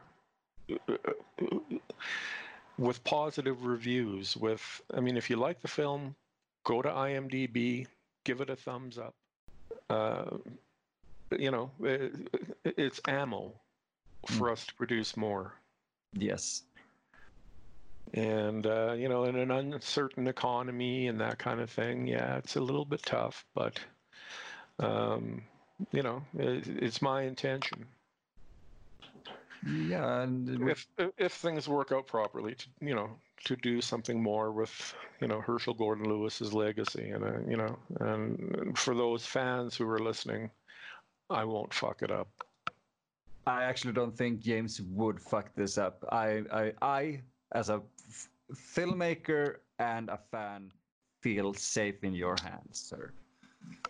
Well, thank you very much, and thank you for uh, having me on. It's a pleasure Yeah, to talk to uh, the people of Sweden. And, uh, Yeah.